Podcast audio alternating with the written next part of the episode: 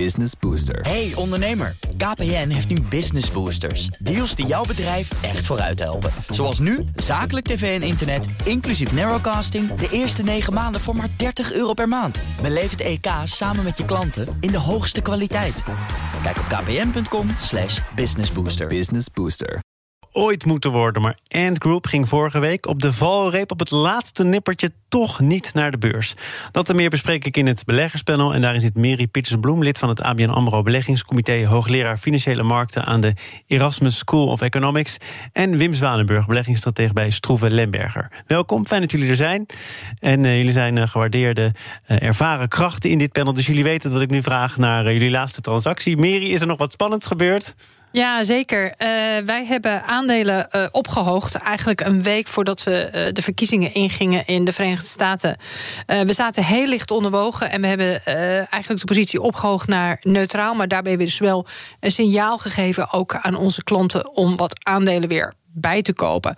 En dat is natuurlijk achteraf gezien uh, een prachtige timing geweest. We hebben tegelijkertijd ook wat uh, um, obligaties, langlopende obligaties in de Verenigde Staten gekocht. En dat pakt op het ogenblik nog een klein beetje minder. Oké, okay, laten we bij het eerste deel van je antwoord beginnen. Want je zegt dat is achteraf een hele goede timing. Ja. Maar daarom doe je het toch juist om achteraf te kunnen zeggen: hé, hey, wij waren er op het goede moment bij. Ja, dat, dat, is, dat is natuurlijk wel de name of the game. Hè? Uh, dat je dat, maar dat consistent goed krijgen, dat is wel een uitdaging. En dat is zeker dit jaar uh, ja, wel ja, een uitdaging ja, geweest. En die obligaties waarvan je zegt, ja, daarvan is het resultaat toch net wat minder dan gehoopt. Ja, um, ja. dat, dat moet je dan ook maar ondergaan, of niet? Dat moet je ook maar ondergaan. Uh, natuurlijk, hè, we hebben dat wel. we doen dat soort transacties niet met het oog op een horizon van een week, maar met het, met het oog op een, een horizon van negen uh, of zelfs twaalf maanden. Uh, dus wij menen wel nog altijd dat de rente onder druk blijft te staan, ook in de Verenigde Staten ja, in deze periode. Ja, want de Fed heeft, ik geloof, net voor de verkiezingsuitslag nog vergaderd en het een en ander gezegd over economisch herstel, over een heel ja. Lage rente voor een langere termijn. Ja, dus ze geven allerlei uh, nou ja, signalen af dat zij uh, nog lang niet nadenken over het verhogen van die, uh, van die rente. Dus ik denk dat ze vanuit die hoek de stimulans, stimulans nog wel even zal blijven. Maar dat is toch een boodschap die al best wel vaak verteld is, ook door Powell. Dat hij volgens mij tot 2023 heeft gezegd: ja. die rente blijft laag. En hij heeft de inflatiedoelstellingen losgelaten of de hele strategie veranderd. Het mag er ook boven zitten, mag er ook wat onder zitten.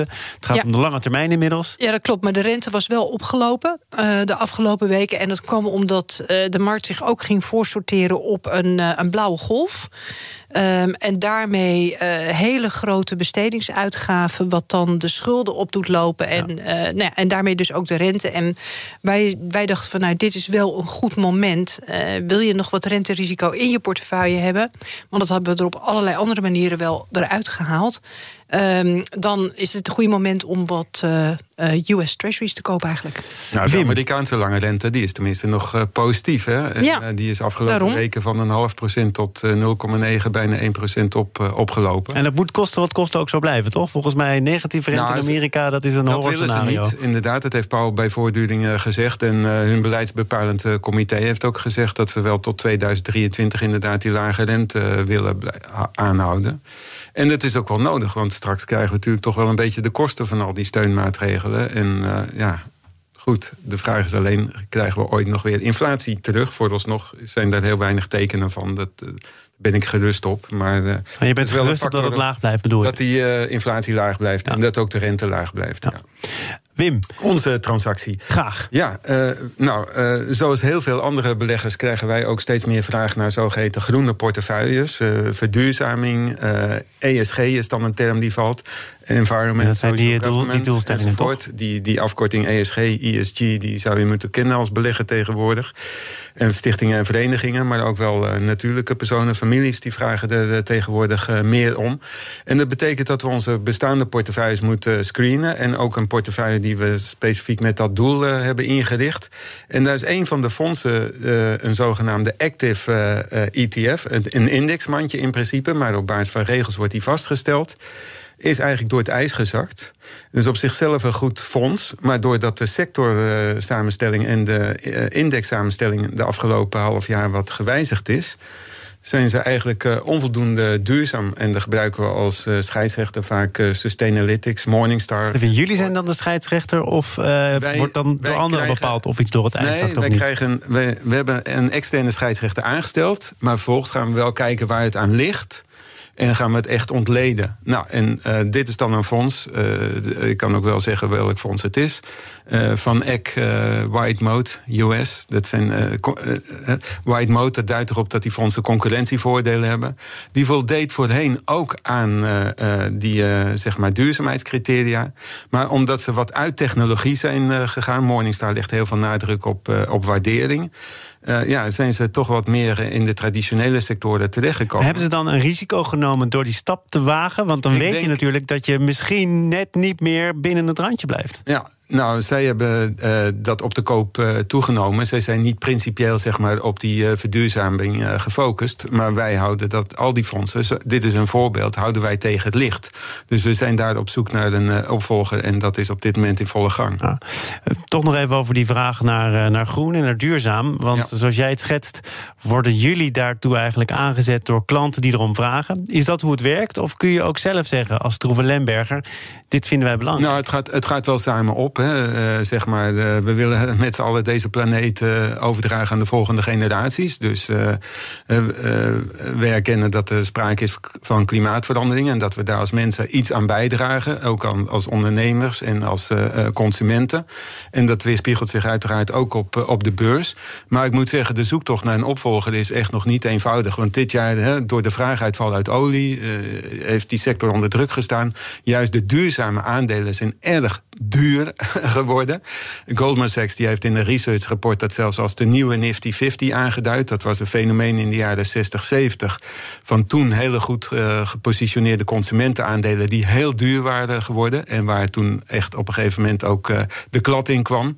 Dus als je in die stap van verduurzaming meegaat, dan moet je wel ook op eh, waarderingen letten. En dat is nog niet eenvoudig. Nee, ben je verbaasd dat het niet meevalt? Want ik ken jou toch ook als iemand die de groene portefeuille een warm hart Maar kennelijk is het dus erg lastig om hier een, een, een opvolger voor te presenteren op korte termijn. Nou, die zullen er ongetwijfeld wel, eh, wel zijn. En even eh aanhaken op wat, eh, wat Wim zegt. Kijk, ABN AMRO heeft een hele bewuste keuze gemaakt... om hier voorop in te lopen. Dus het is al sinds begin 2019 zo dat als klanten bij ons een beleggingsportefeuille openen, dat ze in principe de groene beleggingen ehm, zeg maar als aangeprezen krijgen. Ehm, en dan is het groen, tenzij de klant aangeeft dat ze, dat ze heel bewust voor een klassieke beleggingsportefeuille kiezen. En wat je ziet dit jaar inderdaad is dat groene beleggingen hebben het fantastisch, goed gedaan. gedaan. Ja, en, en, maar wij, wij moeten nu eigenlijk, ehm, en dat gaan we ook doen de komende maanden, richting de klanten treden. Van je kiest voor duurzaam ook om andere als alleen financiële performance redenen. Hè, puur return en risico. En je moet er wel iets mee verdienen, Ja, je moet er Ja, wel je iets moet er- mee dat klopt, Rendement maar- is natuurlijk ook een Maar nu lopen die twee dingen heel erg door Ja. elkaar. En eh, wat we willen voorkomen is dat als je volgend jaar heel veel eh, nou eh, een, een, een inhaalslag krijgt van, van fossiele energie, ik noem maar wat. En die, eh, en die eh, duurzame portefeuilles blijven achter, dat je dan weer die klant outflow krijgt. Dat is wat we willen voorkomen. Tot nu toe is dat niet zo, maar in, inderdaad, overigens, ik wilde wel op eh, duiden. Hè, het is niet zo makkelijk om een goede opvolger te vinden. Want heel veel fondsen dienen zich aan als groen, met ESG, sustainable in de naam, duurzaam, klimaat, impact. En als je ze echt tegen het licht gaat houden, Ja. we hebben dus die externe scheidsrechter aangesteld, dan blijken ze nogal eens. eh, ja, je moet wel heel goed voldoen. onder de motorkap En kijken. Ja. dat doen we. En het is een tijdrovend, intensief eh, proces. Ja. Maar goed, eh, naast eh, het rendementsgerichte risico zijn we dus ook op verduurzaming eh, bezig. Zijn jullie ook al onder de motorkap van Pfizer gedoken? Dat kom ik toch op het nieuws Ja, van gisteren. uiteraard. Oh ja, Ja, uiteraard. nou en wat, wat, wat trof je aan, Wim? Nee, goed. de vraag is van, gaat dit, gaat dit echt enorm bijdragen aan het, aan het, aan het bedrijfsresultaat van, van Pfizer? Maar ze hebben gisteren dus gezegd dat ze een test hebben gedaan in de laatste fase, waarin ze 90% eh, positieve uitkomsten hebben. Dat het eh, bescherming eh, biedt eh, tegen het coronavirus. Maar ja, voordat het echt in productie zal worden genomen, voordat het echt is goedgekeurd. En voordat het echt een hele brede massa Ga je hier nou in één keer allemaal kanttekeningen presenteren? ja, toch wel. Bij die rally van gisteren. Het is denk ik wel een euforie. Hè? Trump die heeft al gezegd van ja, het is niet alleen de verkiezingsuitslag, maar eh, eh, ook eh, Pfizer. Die heeft ermee gewacht om met dit nieuws naar Ja, buiten ja, te komen. politieke besluit om, om, om maar dan je zou juist bijna te komen met denken, dat nieuws. Oh ja, collega- zou jij het ook denken? Nou, ik, ik, ik kan een collega citeren die zei vanmorgen... als ik CEO van Pfizer was, had ik ook enkele dagen gewacht. Maar ik Meer, durf jij kan bijna niet niet meer ver te praten gaan. omdat je het glimlachend aanhoort. Maar dat komt omdat jij het onwaarschijnlijk acht. Nee, ik vind het een fantastisch verhaal. Ik zie ook dat jullie al bijna de schotjes weg wilden halen. Maar Ja, ze wel. staan er nog Ja. steeds. Ze staan er nog steeds. Ja. Nou ja, ik moet, ik moet zeggen, gisteren we hadden we hier het economenpanel... en er zat Marieke Blom in van ING. Ja. Die kwam hier stralend binnen. Die zei, we, zi- we zijn nu toch echt een heel stuk op weg. Ja. Ehm, en, en misschien Ja. past dat dan in die sfeer van euforie. Ja. Zit jij ook in een, ehm, in een high? Nou, je, ik vond het natuurlijk fantastisch nieuws. En, en ik denk dat iedereen wel op dit, op dit moment gewoon als mens zijnde al dit soort goede nieuws op Ja. dat front stevig omarmt. Dat deed de markt ook. Ja. Die maakte een enorme spurt omhoog over de, over, de, nou, over de hele linie eigenlijk. Maar wat je ook zag in de markt, en dat vond ik een hele interessante beweging, meer zeg maar op sectorenniveau. Eh, een, een inhaalslag van de zogeheten waardeaandelen. Dus de aandelen die sterk zijn achtergebleven de afgelopen weken. En eigenlijk in de, in, in de hele reden, die werden vol omarmd. Noem eens, noem eens wat, wat aandelen die daaronder Nou vallen. ja, bij waarde dan moet je eigenlijk, eh, ja, dan moet je eigenlijk Banken. denken meer aan banken, maar ook eh, Energie. energie. Hè? Ja, dus de energiesector, eh, fossiele bedrijven die ja, eigenlijk heel erg in gisteren een koersprong van 20 procent. Ja, Maar ook eh, bijvoorbeeld eh, eh, Booking Holdings. eh, gisteren ook eh, 18, 19 procent omhoog. ja. Ja, terwijl je eigenlijk bij het nieuws voor Carnival. Biden zag je de omgekeerde beweging. Hè? Daar was het met name de IT-stocks, maar voor- voornamelijk healthcare. Ehm, in de zorgsector, dus de aandelen die behoorlijk stegen. Nu zag je een volledig omgekeerde beweging. En dat heeft een debat in ons aandelenteam eh, eh, tot stand gebracht van ja, is die, die rally van de waardeaandelen een blijvende of niet? Wat denk jij? Ja, ik, ik waag het te betwijfelen, omdat er in eh, veel van die eh, eh, waardesectoren zitten toch ook veel sectoren die gewoon economisch kwetsbaar zijn, waar het business model onderuit wordt gehaald. Dat noemen ze disruptie, ontwrichting. Door nieuwe technologieën, de oude traditionele banken, financials, verzekeraars, die hebben last van de nieuwe fintech-companies. Dat heeft niet zo heel veel te maken met het coronavirus of het bedwingen Nee, van de en crisis. Dat zijn onderliggende technologische trends die door de coronavirus, door de COVID-19-pandemie, zeg maar, eh, wel een extra impuls hebben gekregen. En misschien zijn die eh, groeiaandelen op dit moment zijn ze wel vrij duur. Maar je ziet veel van die eh, tech-jongens, die groeien toch wel redelijk eh, snel Maar in hun wat. Mary zegt, eh, er was sprake van een opluchting, enthousiasme, euforie, misschien wel zinsbegoocheling. Zijn mensen misschien te zeer op zoek naar positief nieuws? Nou, dat is zeker het geval. Maar we zien ook nog heel veel geld langs de zijlijn eh, eh, staan. Dus eh, ik, ik ben op zichzelf positief over de aandelen. Wij waren neutraal gewogen. We hebben na de euforie van gisteren even gezegd van... maak even pas op de plaats. Maar we hebben ook wel een positieve neiging... om wat meer en misschien de komende weken, maanden... aandelenbelangen wat uit te breiden. Maar ik wil nog even iets zeggen over die healthcare sector. Dat is echt een hele moeilijke. Want de reguliere geneeskunde die is gewoon verdrongen in de ziekenhuizen. En als je ziet bijvoorbeeld aanbieders van medische instrumenten... of ook van eh, breed van geneesmiddelen... er zijn er een aantal zelfs met winstwaarschuwingen gekomen. En ja, ook Pfizer heeft een hele brede productaanbod. Dus die gaan het niet alleen redden op eh, het middel van coronavirus... wat ze straks waarschijnlijk tegen kostprijs zo ongeveer moeten aanbieden. En ook de licentie aan andere producenten Want ze gaan daar dus niet rijk van worden.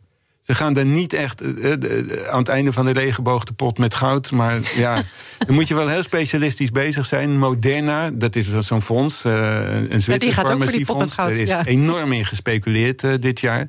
Maar laten we zeggen, het alles overheersende positieve nieuws is... is dat er toch met die testen eh, positieve resultaten worden geboekt nu. Fase 3 en dat er een vaccin zit aan te komen. Zaken doen. Te gast is het eh, beleggerspanel en dat bestaat uit Mary Pieters-Bloem... lid van het ABN AMRO Beleggingscomité... en hoogleraar Financiële Markten aan de Erasmus School of Economics... en Wim Zwanenburg, beleggingsstratege bij Stroeve Lemburg, Lemberger. En ik wil het met jullie hebben over iets wat er ook staat aan te komen. Namelijk de beursgang van Ant Group. Dat zat eraan te komen, maar het ging uiteindelijk niet door. Mary, één groot vraagteken op je gezicht. Ja, één groot vraagteken. We stonden hier een paar weken geleden Ja. nog heel enthousiast eh, te filosoferen over wat deze beursgang eh, zou betekenen. En die is, zoals jij al in je inleiding zei, eh, en ook tot mijn wondergrote verbazing ter elfde uren geschrapt. Ja, Nou, dus maar je ken je als een dossiertijger. Je hebt alles gelezen wat los en vast zit, op zoek naar verklaringen. En toen kwam jij op iets. Nee, ja, dat weet ik toen niet. kwam ik op iets. Nou, ik lees sowieso ontzettend veel over China. Ik vind China razend eh, fascinerend. Dus ik lees nou ja, bijna alle goede boeken eh, die over, eh, over China gaan.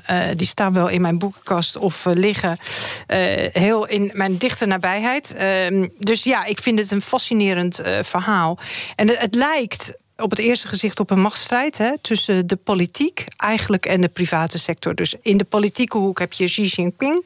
eh, en in de, eh, bij de private sector heb je Jack Ma, die uit, uitgegroten is, u- uitgegroeid is tot een star entrepreneur eh, eh, in China. Ja, en waar dit eh te elfde uren op is afgeblazen, is eh, regels eh, die te berde zijn gebracht voor wat betreft de kredietvoorziening. Hè, en het is een groot eh, betalingsplatform. Ehm, en dat, dat verandert natuurlijk het hele plaatje rondom de waarderingen van dit bedrijf. Maar de- die eh, regelgeving is aangepast om Ant Group een hak te zetten. Nou, dat is iets te kort door de bocht. Eh, dat is iets, iets te kort door de bocht. Ik denk wel dat eh, Xi Jinping die wil graag controle houden over de financiële sector. Eh, dus ik denk Alibaba, commerce, dat is een ander verhaal. Maar hij ziet de financiële sector als een key sector om controle te bewaren, eigenlijk over het land. Ehm, en, ja, en, en ik denk dat hij dat gewoon wat meer aan banden, dat zij dat wat meer aan banden wil. En dit is één methode om dat te doen. Wat denk jij, Wim? Ja, dit speelt inderdaad. Je moet bovendien niet vergeten... op dit moment is het Volkscongres bijeen... Hè, om het nieuwe vijfjarenplan vast te Nog stellen. steeds? En als, ja, dat, Dat duurt daar, Duurt even. dat duurt daar weken. Ook vijf weken bij wijze van spreken. Dat weet ik niet exact. Maar het punt is inderdaad... eh, wat heeft de partij te zeggen... en wat, eh, welke ruimte wordt er gelaten aan de private sector. En ik zie, eh, die wil toch echt zijn stempel nadrukkelijk drukken. Niet alleen een feestje voor de private sector. Deze IPO, die beursgang... die was voor de nieuwe aandelen 300 keer overtekend. En wat het bijzondere was, het gaat eh, om de spin-off van Alibaba, hè, eh, Ant Group. Die staat bekend als een fintech, maar intussen tijd was het niet alleen een betaalplatform, maar ook een kredietverleningplatform met veel microkredieten. En daar heeft de centrale bank van gezegd, daar willen we dus de nodige kapitaalreserves tegenover laten zetten. En daar was Jack Ma het absoluut niet mee oneens. Dus dat is een eh, clash eh, geworden. Ja, hij heeft ook Maar een speech ik heb nog een ander. Oh, eh, nog een aspect ander. Eh, ontdekt. Nee, je moet ook weten welke rentepercentages eh eh Endgroep eh, reg- rekent voor die eh, microkredieten. Dat is zo om en nabij de 9, 10, 11 procent. En daar is nu ook even een eh, hak op eh, eh, gezet. dit, dit zijn toch niet allemaal Dus dit ontwikkelingen van... betekent van- eigenlijk ja, dat Endgroup qua waardering waarschijnlijk veel, veel minder waard is dan door heel optimistische Ja. beleggers. Maar desalniettemin, die technologieontwikkeling en die platformontwikkeling, die gaat door. Want inmiddels zijn er nog weer andere IPO's naar de markt gekomen... die nog wel succesvol zijn, die wel zijn toegestaan. En Hongkong heeft ook een nieuw beursplatform opgericht, de Starboard. En Hoe werkt het eigenlijk? Vraag ik even hier eh, open aan de hele groep. Eh, Er komt een beursgang, dat zou de grootste ooit worden. Daar zijn eh, heel veel partijen bij betrokken. Banken zijn erbij betrokken. Bedrijven die daar hun geld Ja. mee zouden verdienen. Dat gaat dan niet door. Ja.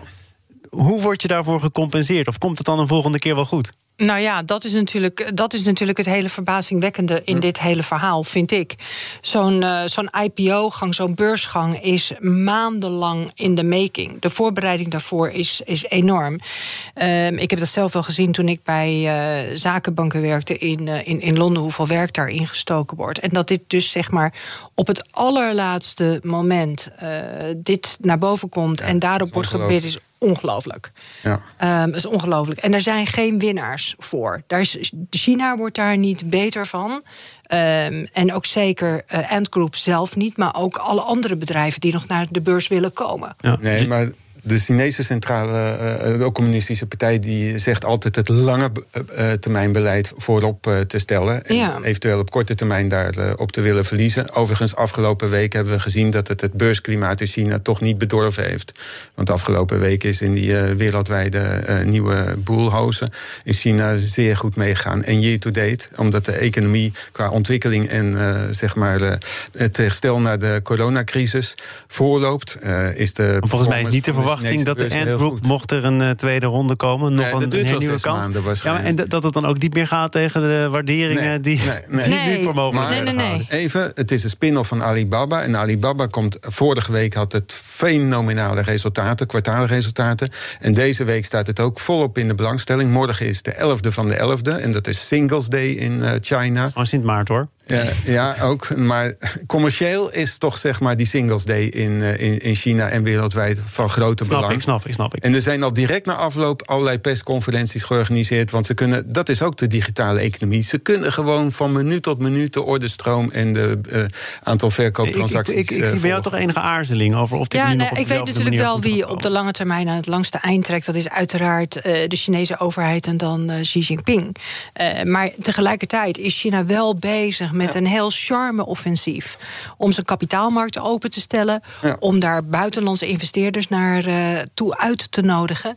Ja, en dit lijkt me daarop niet er heel... Er viel mij toch nog iets anders op in de vergelijking. Hè? Want zeg maar, Antgroep is een, in fintech. het aantal digitale betalingen en met mobiele apparaten in China... dat is het honderdvoudige van wat het al in de VS is. Ja, het is enorm groot. Dus dat is echt mega. Ja, maar je ziet wel ook veel verwarring onder analisten... van wat het dan nu gaat opleveren.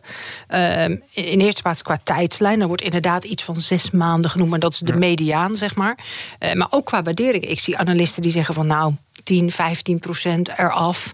Maar ik zie ook analisten die zeggen 40, 50 procent en alles ertussenin. Dus nog een hoop onduidelijkheid. Nieuwe ronde, nieuwe kansen. Ja, dat is bijvoorbeeld het alternatief een, voor ByteDance. ja. Hè? Ja. Dat kennen we van TikTok. Die heeft afgelopen week ook een uh, prospectus uh, ingediend voor een, voor een beursgang.